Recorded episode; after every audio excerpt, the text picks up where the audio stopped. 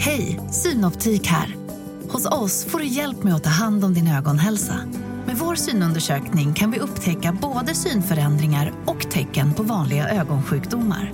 Boka tid på synoptik.se.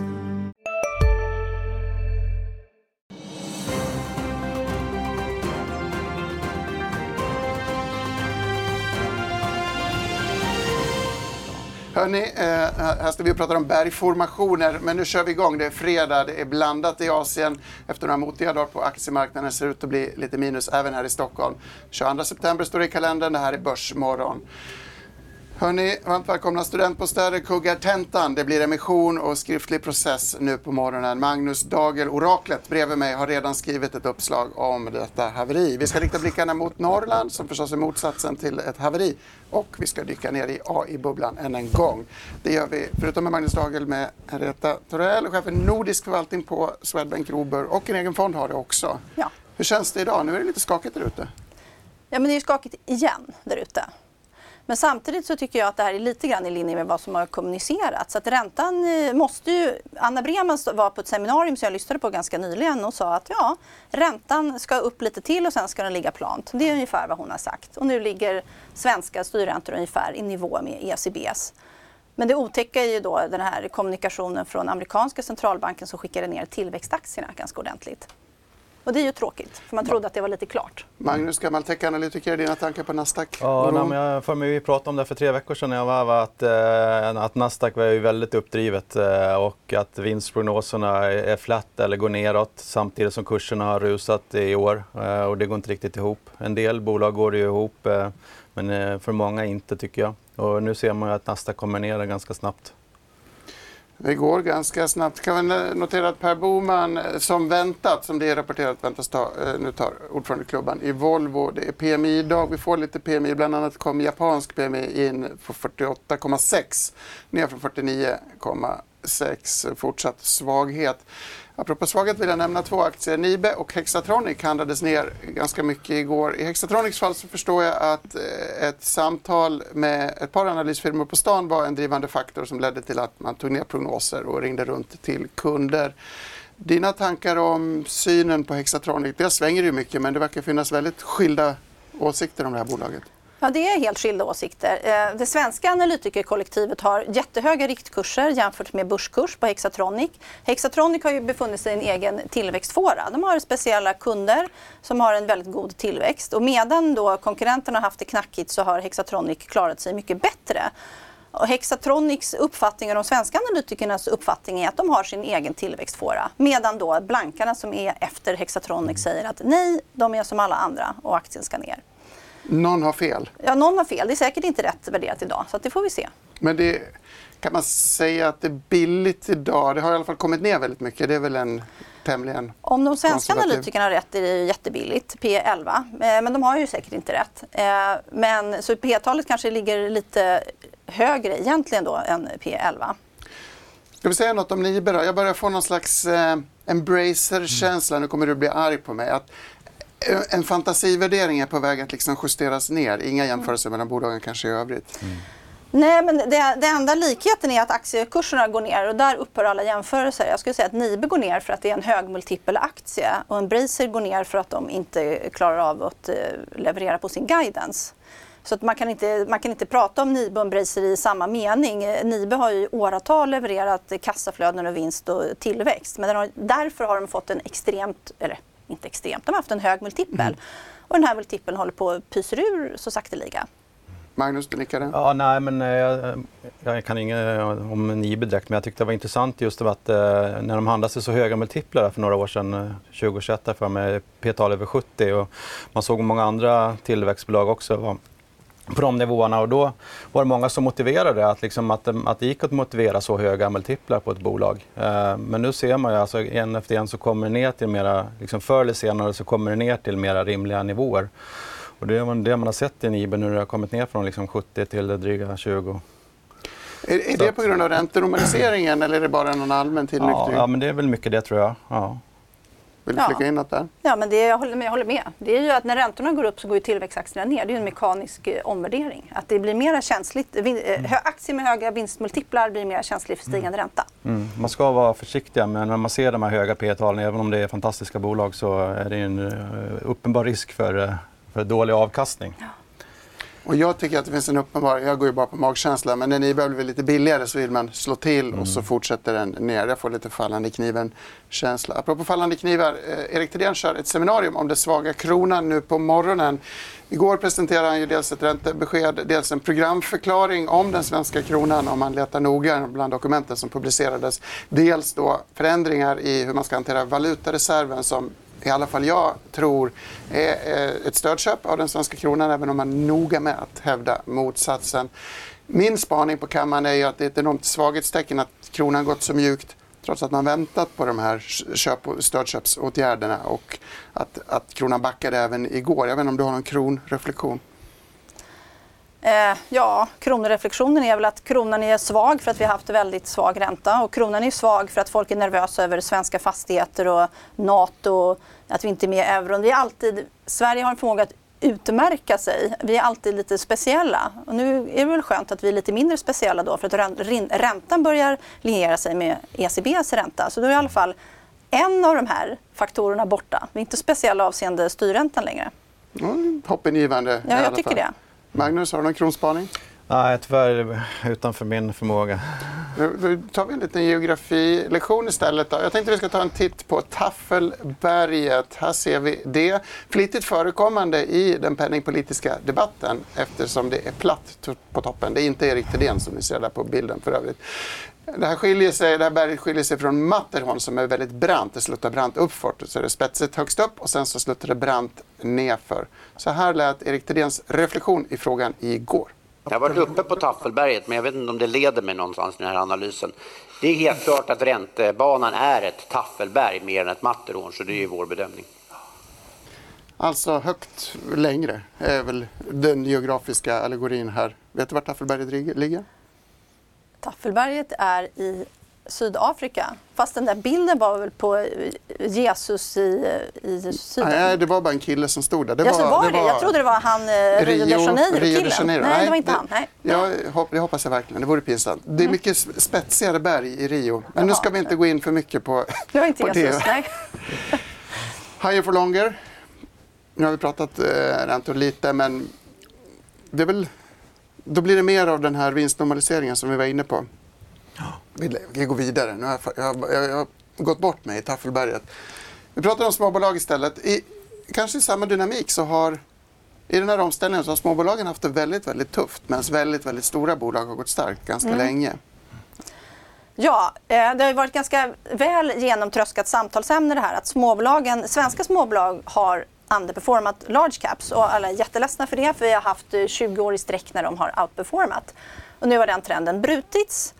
Eh, och jag skulle säga att det förklaras ju då i, lokalt här i Sverige av att räntan steg, småbolag har högre tillväxt och högre vinstmultiplar, då blir de mer känsliga. Sen har man även en, en annan faktor och det är ju att fastighetsbolagen är ju de, bland de mest räntekänsliga. Och det finns större inslag av fastighetsbolag i småbolagsuniverset än i storbolagsuniverset.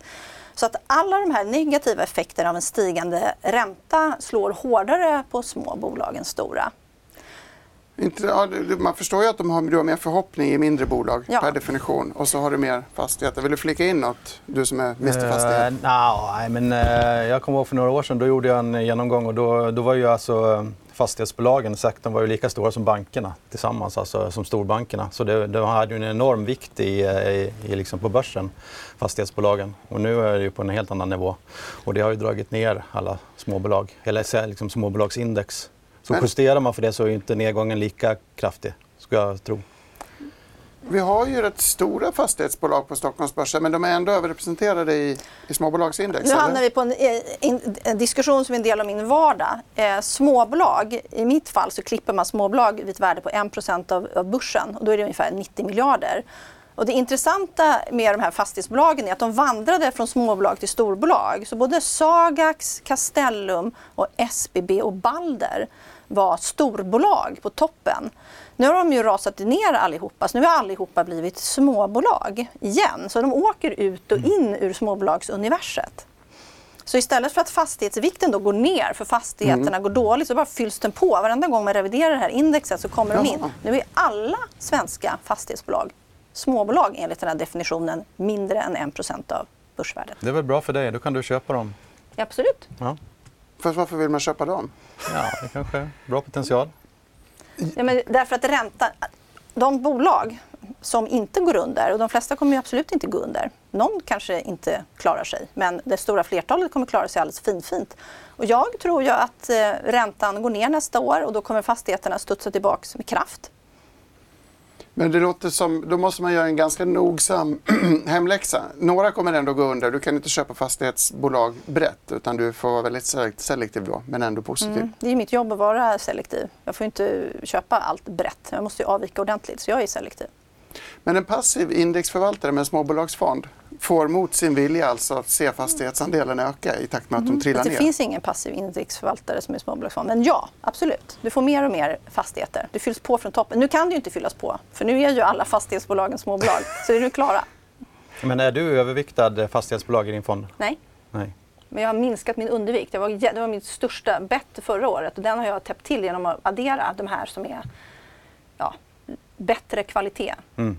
Hur generellt skulle du säga bland småbolagsförvaltare? Är de överviktade eller underviktade fastigheter? De täcker sin undervikt. Vi har börjat redan nu. Mm. Sen tycker jag en intressant sak. Jag lyssnade på ett ränteseminarium när Anna Breman talade. Och då pratade vi just om det här Taffelbergs räntekurvan. Att Riksbanken säger att räntan ska vara flat. Eh, och då var det många som räckte upp handen och sa men så här kan man väl inte göra. Eh, folk klarar inte av sina bolån. Man måste ju sänka räntan. Om inflationen toppar vid jul då är det bara att sänka räntan. Eh, och då var be beskedet då från Riksbanken att ja, men vi måste ha den här räntekurvan. För att om vi säger att vi ska sänka räntan direkt efter jul, ja, då kommer folk bränna sina besparingar och tro att det mm. ordnar sig. Så vi måste liksom plåga svenska folket med den här räntebanan och säga ta det lugnt, mm. bind era räntor, mm. anpassa er. Mm. Eh, så att ja, det var lite är, intressant att höra. Är tanken på att vi blir räddade om det blir stökigt en viktig byggsten i det fastighets, den fastighetsproblematik vi har? Tror du att man har liksom tänkt att det ordnar sig alltid? Så man kan gera upp lite för mycket och köra på? Nej, men det, är en, det är en blandning av det är okunskap också. Om man tittar på en del av de här värsta haverierna då har man ju blandat kredit, man har blandat både finansiell risk och ränterisk och valutarisk. Och, och låna kort och med, mot långa kontrakt och rörliga räntor och utan valutahedge. Ju, man har ju staplat risk på risk på ett helt okontrollerat sätt. Och det är därför man har ju svårt att reda ut situationen nu. Och det är ju inte alla som har gjort. Verkligen inte. Fastigheter är en faktor i att småbolag under, underpresterat som kollektiv. Läser jag det rätt då? Finns det några andra viktiga drivkrafter? Ja, eh, om man tittar utanför Sverige så är det ju faktiskt jätteintressanta drivkrafter på gång. Jag skulle vilja kalla det för tekniksprång. Man pratar om att man har en smal uppgång på börsen. Om man tittar på S&P 500 då har man den här AI-boomen. Till exempel Nvidia då som har 1000 miljarder dollar i börsvärde efter att ha stigit Ja, igår var det 180 procent, nu är det mindre då eftersom börsen föll. Mm. Eh, men de här bolagen, nu har vi med oss en graf här. Eh, S&P 500, om man tar bort de här booms, boomaktierna, TSMC, Applied Materials och eh, Nvidia. Då är det inte lika kul. Nej, då har S&P 500 stått stilla.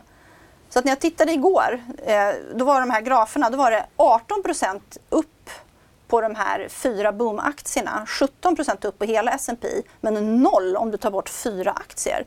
Och då tycker jag det känns lite ondskefullt att skylla på småbolagen. Om det är 496 aktier totalt har gått noll och fyra har dragit hela börsen. Det här ligger dig varmt om hjärtat också, Magnus. Ja, nej, men jag tittar mest på Nasdaq och eh, det var det jag skrev om att det var enormt uppdrivet tycker jag. Och men på Nvidia så går det ju att motivera uppgången till stor del mm. ska jag säga, med, med, med vinstprognoser. Det, det gör det inte på flera av de andra, tycker jag. Till exempel Tesla så har ju vinstprognoserna justerats ner ordentligt sedan årsskiftet och kursen har nästan dubblats. Och så jag ser på till exempel elbilstillverkarna som jag följer, det brukar vara en bra liksom, indikator på sentimentet. De börjar ju liksom falla ordentligt nu igen. Så det, det känns som det var lite bräcklig grund där, Nasdaq-rallyt kan jag tycka. Man, liksom, man drogs med i hela den här eh, Nvidia Eh, och både du och Gabriel, vi har ju legat vakna på nätterna och funderat om det är en AI-bubbla. Liksom. Uh... Jag är helt övertygad. Fast Nvidia kan ju ändå vara ett välskött bolag. Ja. Bara, bara för att dra en, en siffra ur hatten. Jag tittade på Nvidia prognoserna i Bloomberg och så tittade jag på 2024 och det ju, den går ju upp som ett spjut med vinstrevideringar. Om jag tar den högsta prognosen för 2024 som antagligen då är den mest korrekta idag eftersom det hela tiden går uppåt då handlar Nvidia på P18. Då kan man inte prata om bubbelvärderingar. P18. Sen ska det förstås då växa från den här vansinniga basen. Det mm. kommer bli svårt. Men eh, själva absolutmultipeln 18 är inte någon hög multipel. Men eh, du kan också, jag sammanställer alla vinster de har gjort historiskt senaste 10-15 åren. Va? Och då var det P 36 på dem, samtliga vinster. Så det är ju, det är ju, man måste titta väldigt långt framåt, eller ett par år framåt för att liksom få ner multiplarna på Nvidia. Man kommer att behöva titta ett par år framåt också för att se slutet på det här programmet. Vi har kommit ungefär hälften in i det planerade körschemat, vilket är ett bra tecken. Men klockan har slagit nio. Vi måste gå till Studio 2 och börsöppning.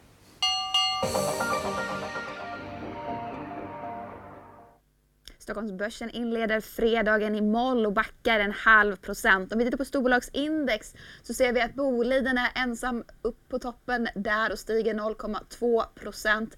Medan 29 av 30 storbolag faktiskt backar på fredags morgon precis vid börsöppning. Och i botten där, allra längst ner, så har vi Tele2 och SCA. AstraZeneca ser vi nu hoppar upp här och lyfter. De är upp en halv procent så här 30 sekunder in i börsdagen. Och de har ju kunnat påvisa positiva resultat i en fas 3-studie för deras bröstcancer cancerkandidat. Dags då Aktien föll ju rejält i somras och fick flera sänkta riktkurser efter osäkerheter gällande en fas 3-studie för samma preparat men då gällande lungcancerstudien. Och nu när de var positiv för bröstcancerkandidaten så stiger aktien en halv procent. Vi går vidare till Volvo för Per Boman föreslås till ny styrelseordförande för Volvo efter Carl-Henrik Svanberg. Och studentbostäder som vi har pratat om i programmet, de backar nästan 2% precis vid börsöppning och de vill ta in 331 miljoner i företrädesemission. Och så tänker jag att vi tittar lite på rekarna för BNP sänker sin rekommendation för Stora Enso till underperform från tidigare neutral. Och nu ser vi att Stora Enso tappar 3% precis vid börsöppning. Och sen vidare på Reka så Handelsbanken sätter köpstämpel på probioaktaföretaget Biogaia som stiger 3 Och Starbreeze de stiger 1,5% nu på morgonen. Och de hade ju premiär för sitt spel Payday 3 igår kväll, vilket tycks ha varit en lyckad premiär och aktien stiger 2% Stiger gör även Embracer som är upp lite drygt 1% och om vi går vidare till oljepriserna så stiger även de. Brenten ligger nu på 92 dollar fatet medan VTI åter över 90 dollar fatet. Men som sagt, Stockholmsbörsen den öppnar lite surt och backar 0,6 procent. Intressant om alla småbolag är underviktade fastigheter. Liksom. Nu är vi i sändning, men det där var, ja, ja. Vi, vi, kan inte släppa. Vi har så trevligt här i studion. Ja. Vi ska prata med fastigheter alldeles strax. Nu har vi pratat om en smal uppgång och hur det påverkar relativ avkastning för småbolag. Fetma är också en faktor. Ja, det är det. Inte för svenska småbolag kanske, men om man tittar på den nordiska aktiemarknaden. Eh, Novo Nordisk, det, den har ju verkligen skapat rubriker i år. Novo Nordisk har lanserat det här eh, överviktsmedicinen mm. Vigovi när man kan tappa 15% av sin vikt eh, på ett år. Eh, utan att behöva jogga? Ja, utan att behöva jogga. Man bara tappar aptiten. Eh, och det här har ju orsakat enorma påverkan till exempel, jag såg att Danmarks BNP den, den mm. växte, men tar du bort Novo Nordisk så skulle den ha krympt. Så den, Novo Nordisk skiftar från plus till minus på Danmarks BNP-tillväxt. Och på det nordiska indexet, ja, där har vi siffrorna med och utan Novo Nordisk. Det är ner om du tar bort Novo Nordisk och upp om du tar med Novo Nordisk. Så då kan vi återigen säga så här, jaha, är det, för jag försöker försvara småbolag då eftersom mm. jag är småbolagsförvaltare förstås. Men eh, det här är då alla, alla bolagen på börsen är ner. Så det är otroligt smal uppgång och det här är också ett tekniksprång att kunna eh, bota överviktsproblemet. Det är ju helt fantastiskt. Ja, fast jag, det, även om jag förespråkar motion och, och sunda vanor så är det ju fantastiskt. Eh, det är väldigt intressant. Det är ju verkligen Nordens Nvidia på något sätt, Novo Nordisk. Jag vet, mm. jag vet inte om jag vågar köpa den dock, när den har gått upp så mycket. Men det är en annan diskussion. Det är ju faktiskt småbolagsförvaltare. Mm. Kul, kul med stora trender i alla fall. Eh, ska vi gå in på fastigheter då, Magnus? Eh, vi kan väl nämna att studentbostäder som vi väldigt sällan pratar om aviserade en företrädesemission och om jag läser rätt, ett skriftligt förfarande, det är alltså när man vill omförhandla sin återbetalning av obligationer. Det brukar inte vara något jättebra tecken. Man skriver också att man fimpar en icke-bindande avsiktsförklaring om att sälja fastighets, en fastighetsportfölj i Köpenhamn. Det låter ju som att man har försökt kränga av grejer i Danmark. Det har inte gått. Nu får man göra en ny emission också och skjuta på betalningen av obligationerna. Tack vare din otroliga timing Magnus. Hej, Ulf Kristersson här. På många sätt är det en mörk tid vi lever i.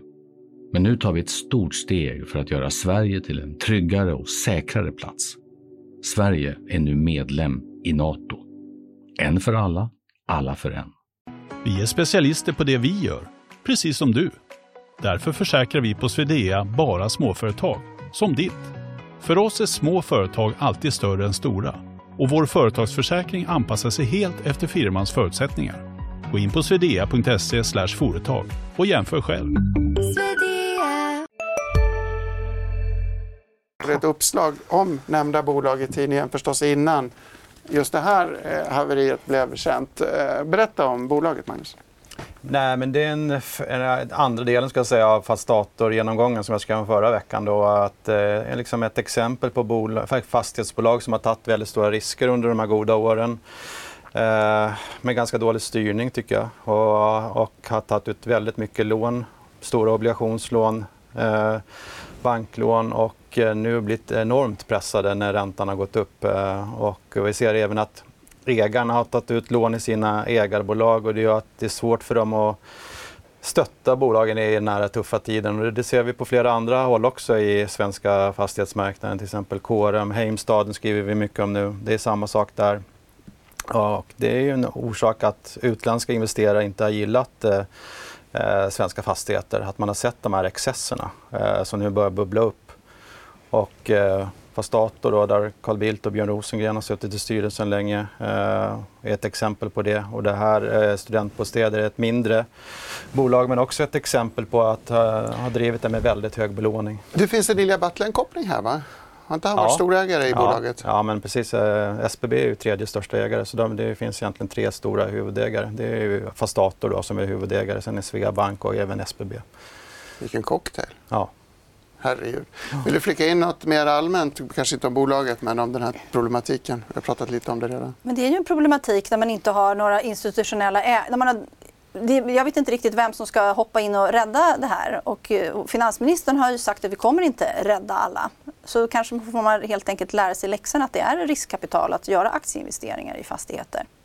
Sen är det en enorm skillnad, måste jag också säga. Då. Vi pratar om småbolagsfonders investeringar i fastigheter. Och jag, min räntesyn är inte så extrem eller konstig på något sätt när jag tror att räntan ska falla ner nästa år. Och faller räntan ner, då kommer fastigheterna funka. Och då skulle jag säga en typisk småbolagsförvaltare, de har en korg av fastighetsbolag som kanske är Sagax, Balder, Castellum och Vilborg. Så det är typiska småbolagsfondförvaltarfavoriter.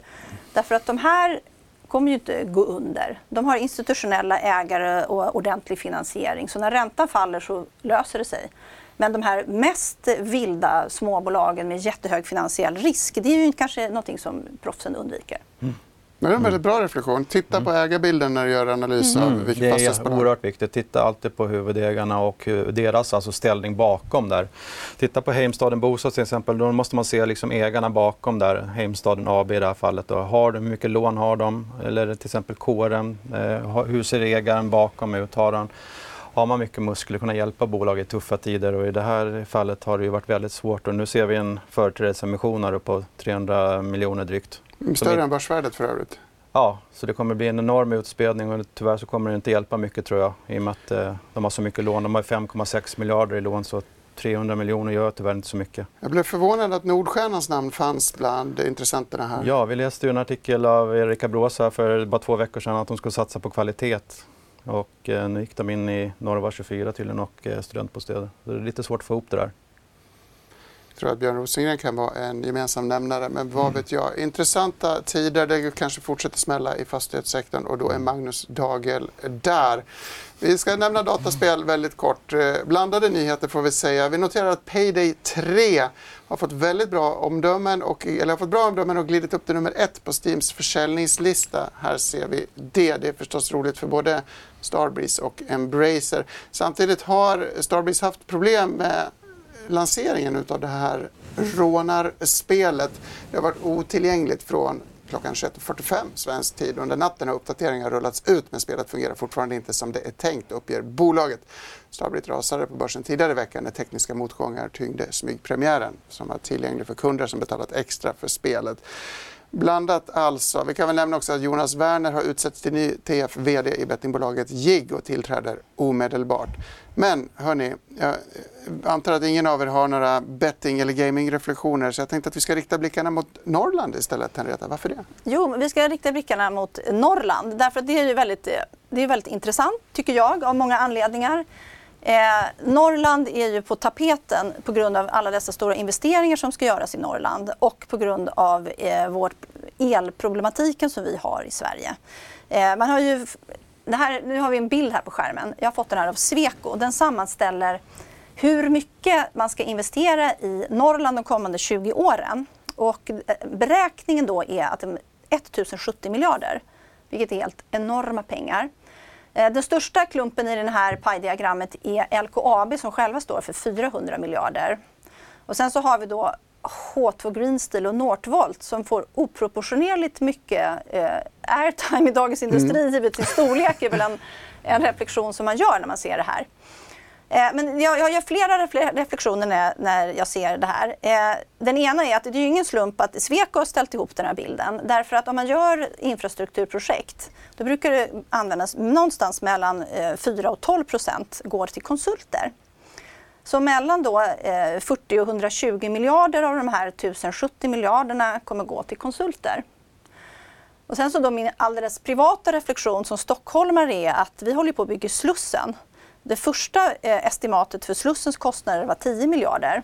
Nu är det 20 miljarder bara på några år. Så man har alltså räknat fel på en faktor på 2,0 på Slussen. Och det verkar helt normalt när man bygger ja, stora nej, men grejer. Jag så här, det här, ja, 1070, ja men det är väl, det är väl ett första så här, finger... Mm. Så här. Nu kör vi 2000 miljarder. Då. Nej, det blir inte 2000 miljarder. Men jag säger så här, för Sweco så blir det helt fantastiska tider därför att Sweco har 16% marknadsandel i Sverige. Sweco är ganska stora leverantörer till just LKAB. Så att ja, grovt räknat kan ju Sweco få 1-2 miljarder i extra intäkter under en 20-årsperiod av bara de här Norrlandsprojekten. Konjunkturokänsligt också. Vi har en eh, Sweco-bärsare här bredvid, fast det var ett mm. tag sedan va Magnus? Du skrev ja, en sälj. Då, eh, då skrev jag, satte sälj på den för några år sedan, men då var det ju alltså, en, alltså väldigt övervärderat ska jag säga. Det var ju, jag är gammal konsultanalytiker IT och jag, såg, jag förstod ingenting om värderingen där. Eh, det var, jag tror det var P-tal över 30-36 samtidigt som de förvärvade bolag på P6. Så det blev ju en eh, enorm mismatch hur, hur eh, onoterat värderade och hur de värderade. Så den, den var övervärderad på alla sätt och vis. Sen kom den ju ner ordentligt nu så nu har ju multiplarna börjat komma ner. V vad ligger vi idag Henrietta? Ungefär strax runt 20. Hur mycket omsätter Sweco? Som... 26 miljarder. 26 miljarder, så ja. ja. Då låter det ju väldigt betydelsefullt i bidrag, den här mm. Norrlandseffekten. Mm, det är det. Och sen så kan man ju säga då att ja, men det man kan invända mot Sweco det är att man är rädd, rädd för bygg. Eh, men, och, och sen så arkitekter. Ja, arkitekter ja, jag säga. Ja, det är ju otäckt. Eh, Sweco är världens fjärde största arkitektbyrå. Men Sweco är verksam i 70 länder och folk jobbar ju digitalt. Så du kan ju skicka en svensk arkitekt och bygga en bro i Kuala Lumpur istället. Så du kan ju skicka runt den här personalen. Framförallt så undrar jag om inte arkitekterna är mindre konjunkturkänsliga i fallet Sweco för att de ritar väl infrastrukturgrejer också? Det är väl inte ja, bara bostadsbyggexponering? I Sverige, Sverige-exponeringen i Sweco är 28 procent och så har du 30 eh, procent infrastruktur. Så då kan man säga att det som är Sverige in, och icke-infrastruktur är 20. Men i de här 20 så ingår ju också det de kallar för grön omställning med alla de här batteritillverkarna och så vidare. Så att under 20 procent är det som är exponerat en svensk byggkonjunktur i Sweco. Vill du fråga in någon byggreflektion här? Nej, men jag tror inte man generellt ska vara orolig för bygg. Jag intervjuade ju eh, just på Slussen här i, i våras eh, Skanskas VD. Jag klättrade för övrigt upp i högsta kranen där. Det var en lite obehaglig upplevelse. Men, eh, Taffelberget, höga Ja. kranar. men i varje fall så... eh, Faktum är att de går ju, alltså byggbolagen går väldigt bra nu om man tar bort bostäder. Så många, många sätter ju likhetstecken mellan bygg och bostäder och det ska man inte göra. Tror jag, för alltså byggbolagen går ju generellt bra nu. Kan man inte göra samma? Om vi ska titta på ägarna i fastighetsbolagen, ska vi inte titta på inriktningen i byggbolagen Ja. då, eh, nu? Ja, och där ser man ju till exempel att Peab har en stor bostadsexponering och de har haft det i många år och det, det, det tynger ju dem nu. Men till exempel Skanska är mer inriktad mot infrastruktur, NCC är också mycket mer infrastruktur och det, det gynnar dem nu. Jag tänkte vi ska slänga in ett till bolag på samma tema, AdTech.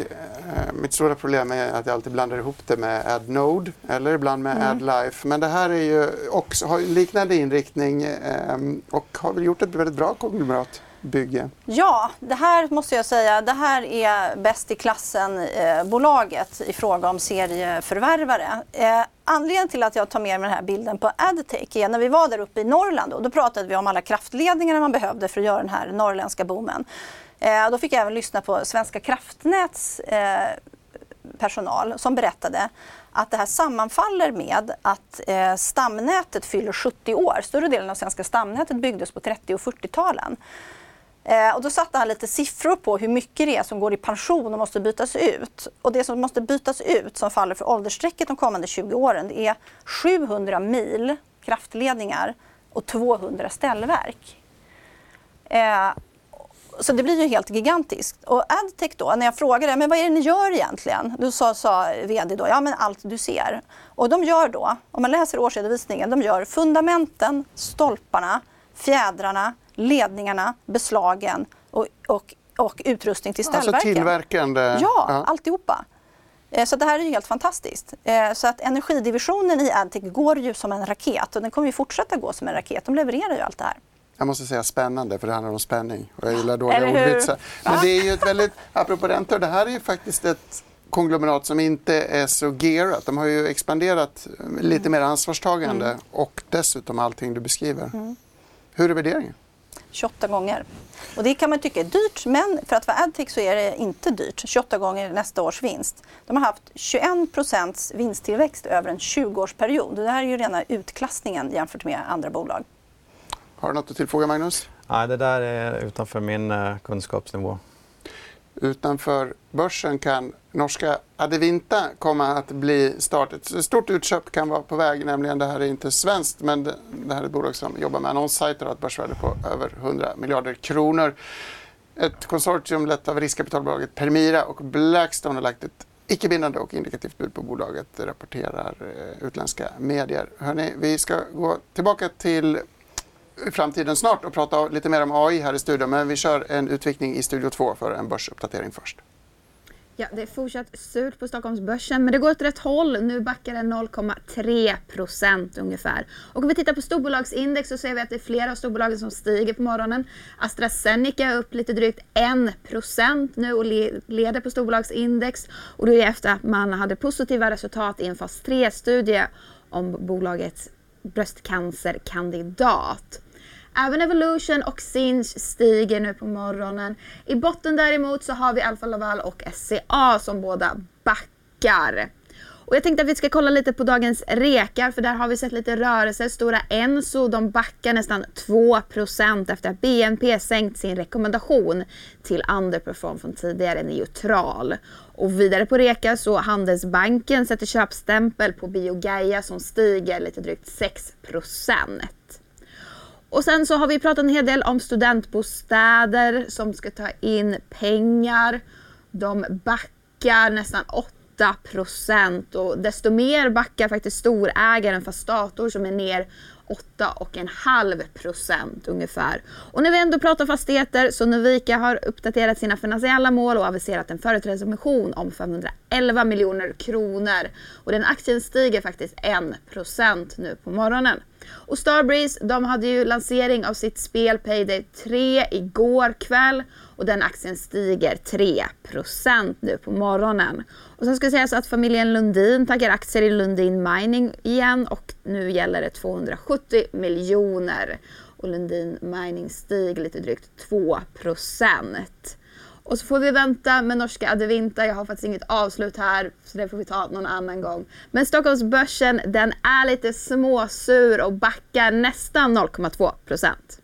Inte så himla surt, 0,2 procent. Men surt i fastighetssektorn. Jag tänkte vi skulle prata AI men nu blev jag upphetsad över att mm. det gick ner så mycket i Fastator och eh, studentbostäder. Magnus, någon reflektion? Det kan inte vara likvida aktier det här va? Nej, olikvida. Mycket sitter ju på fasta händer där. Uh, och, uh, så det blir ju stora rörelser. Men den har ju fallit väldigt mycket de senaste tiden här. Uh, stor oro för vad som ska hända med finansieringen och väldigt stora obligationsförfall här i, i Fastator kommande. Så de måste ju vidta no några typer av åtgärder. Så, som jag skrev innan så sitter de i en riktig revsax de har satt sig i. Och att, liksom, man ser mer och mer att agnarna skiljs från vetet i fastighetsbranschen i år och nästa år. Att de svaga bolagen med stora finansproblem kommer få ännu större problem. Men flera som har tagit låga risker eh, fortsätter att utvecklas väldigt bra tycker jag. Mikael Johansson på Arctic Securities var faktiskt här igår och kommenterade just behovet av rekonstruktioner och smärtsamma manövrar. Det samtalet lät så här där jag sitter så kanske man är lite för positiv då, där man är i den lokala marknaden. Men jag tror att många av de större svenska fastighetsbolagen står väldigt väl rustade för att klara av det här. Och det är klart att de också är påverkade av det som nu sker. Men jag tror inte att vi där pratar om konkursrisk på det sättet. Sen finns det såklart undantaget något av de stora bolagen. Men det vi har är att vi har en radda bolag i svensk high yield-marknad, alltså i obligationsmarknaden, som har väldiga problem och som kanske var byggda för en lågräntemiljö och nu när räntan har ställts upp i den takt som den har så kommer de bolagen få problem. Du kan förstås se hela det samtalet på di.tv. Det rimmar ju lite med det vi har pratat om här i studion. Jag håller med till 100 procent. Ja. Och er som kommit in eh, sent kan ju kan ett huvudbudskap från Henrietta idag har varit att man kan göra en analys på ägarbilden om man är nyfiken på fastigheter eftersom sektorn kan tänkas vänta när räntorna normaliseras. Med det tänkte jag att vi tar dagens final. Eh, vi har pratat om Norrland, vi har pratat om fastigheter. Jag tänkte att vi ska blicka mot AI-boomen. Den har redan påverkat börsen väldigt mycket. Hur ska vi närma oss den på Stockholmsbörsen? Ja, man brukar ju säga att den som blir rikast på en guldrush är inte den som gräver guld utan den som säljer hackor och, spa, hackor och spadar. Om man då på det här hack och spadetemat ska hitta någon som säljer hackor och spadar till AI, då är det ju faktiskt svenska Munters. Eh, Munters säljer klimatlösningar till datacenter, eh, kylkontroll och eh, fuktkontroll. Eh, de har en helt fantastisk orderingång. De hade Eh, sista, sista siffran nu, sista kvartalet, då hade de 24% organisk tillväxt justerat för valuta. Och det drivs mest av datacenter och det drivs av batteritillverkare. Datacenter är 25% av deras omsättning. Eh, batteritillverkarna ligger i det som heter airtech och det är 60% av omsättningen. Allting är inte batteritillverkare. Men vi har med oss en bild här som visar då Större, större delen av Munters växer med mellan 5 och 10 procent. Sen har man lite pilar som går sidledes då, det är mat. Eh. Och det pratade vi faktiskt om häromdagen. Han var eh, bolagets VD som var här, Claes Forsström, pratade om att man hade lite av en översyn mm. pågående rörande det här mindre ja, upphetsade segmentet. Mm. Ja. Fortsätt, förlåt. Ja, nej men, så att jag tänker att det här är ju det är fantastisk vinstrevideringstrend. Den handlar på eh, P17 ungefär. Det är inte dyrt, det växer som en raket. Och jag ser inte riktigt framför mig att det här kommer sluta. Sen har man en annan sak som är jätteintressant. Det är att de har 20% serviceintäkter. De säljer ju SAS-modeller, att man får göra sina uppgraderingar och sin service. Och det är ju den här Atlas Copco-modellen att du ska få recurring revenue mm. med servicekontrakt. Så de har då en blandning av väldigt välpositionerade och serviceintäkter som stabiliserar affären. Så jag tycker att det här är ett väldigt så här, snyggt och prydligt exempel på någonting man kan med låg risk eh, eh, köpa då för att få exponering mot den här AI-boomen. Och dessutom får man en fantastiskt trevlig VD på köpet. Claes Forsström var ju här och körde sin pitch. Jag tänkte vi tar en liten repris på den och så snackar vi lite mer munter sen. Många andra företag i, i Sverige som är framgångsrika, det är inte så att vi frontar utan vi är väldigt mycket bakom. Om inte vi finns, inga vad heter det, bilbatterier. Om inte vi finns, inga datacenter, de, de måste kylas och så vidare. Så den stora pitchen, ett klimatbolag i affärskritiska processer. Men det är väl bara att säga amen. Eller hur? Jag har inte sett det där, men, men det var ju bra att våra budskap var kongruenta. Ja, man ska inte titta på Börsmorgon i TV. Det är en viktig lektion. Eh, intressant, eh, upprepa vad du sa om värderingen, för den har ju gått väldigt starkt. Mm. Vi hade en kursgraf uppe, men du tycker ändå inte att den Ja, dragit men jag för tittar långt? på nästa år. Jag tittar framåtriktat nästa år och jag tittar på de högsta estimaten. Därför jag tror att de högsta estimaten är de som är mest rätt när, när, när analytikerna ligger efter och hela tiden reviderar. Då är det 17 gånger nästa års vinst 2024 på de högsta estimaten. Det är det snällaste sättet att titta på det och jag tror att det är antagligen det som är mest rätt. Du har inte skrivit om Munters på länge, va, Magnus? Någonting för dig? Nej, nej. Jag håller bara på med fastigheter, du vet. Ja, nej, det gör du inte alls. Det. Du håller på med IT och elbilar och mycket annat. Eh, men där, då är vi klara. Jag tycker det är särskilt roligt med Munters som var en sån sorglig börsnotering för några år sedan och eh, en riktig problemhärd. Mm. Fantastiskt att det går att lösa problem och blicka framåt och bli duktig. Ny VD, ny värdering, ny omgivning. Ny tid, ny Ja. strid. Däremot är Börsmorgon slut för idag. Henrietta Theorell Swedbank Robur har gjort en fantastisk insats. Eh, Magnus Dagel lika så. Dagens Industri. Gabriel Mellqvist heter jag, den mediokraste i gruppen, men jag är glad ändå. Det är fredag. Börskoll klockan 14 och så ses vi här igen på måndag morgon, samma tid, samma kanal. Trevlig helg där ute. Tja!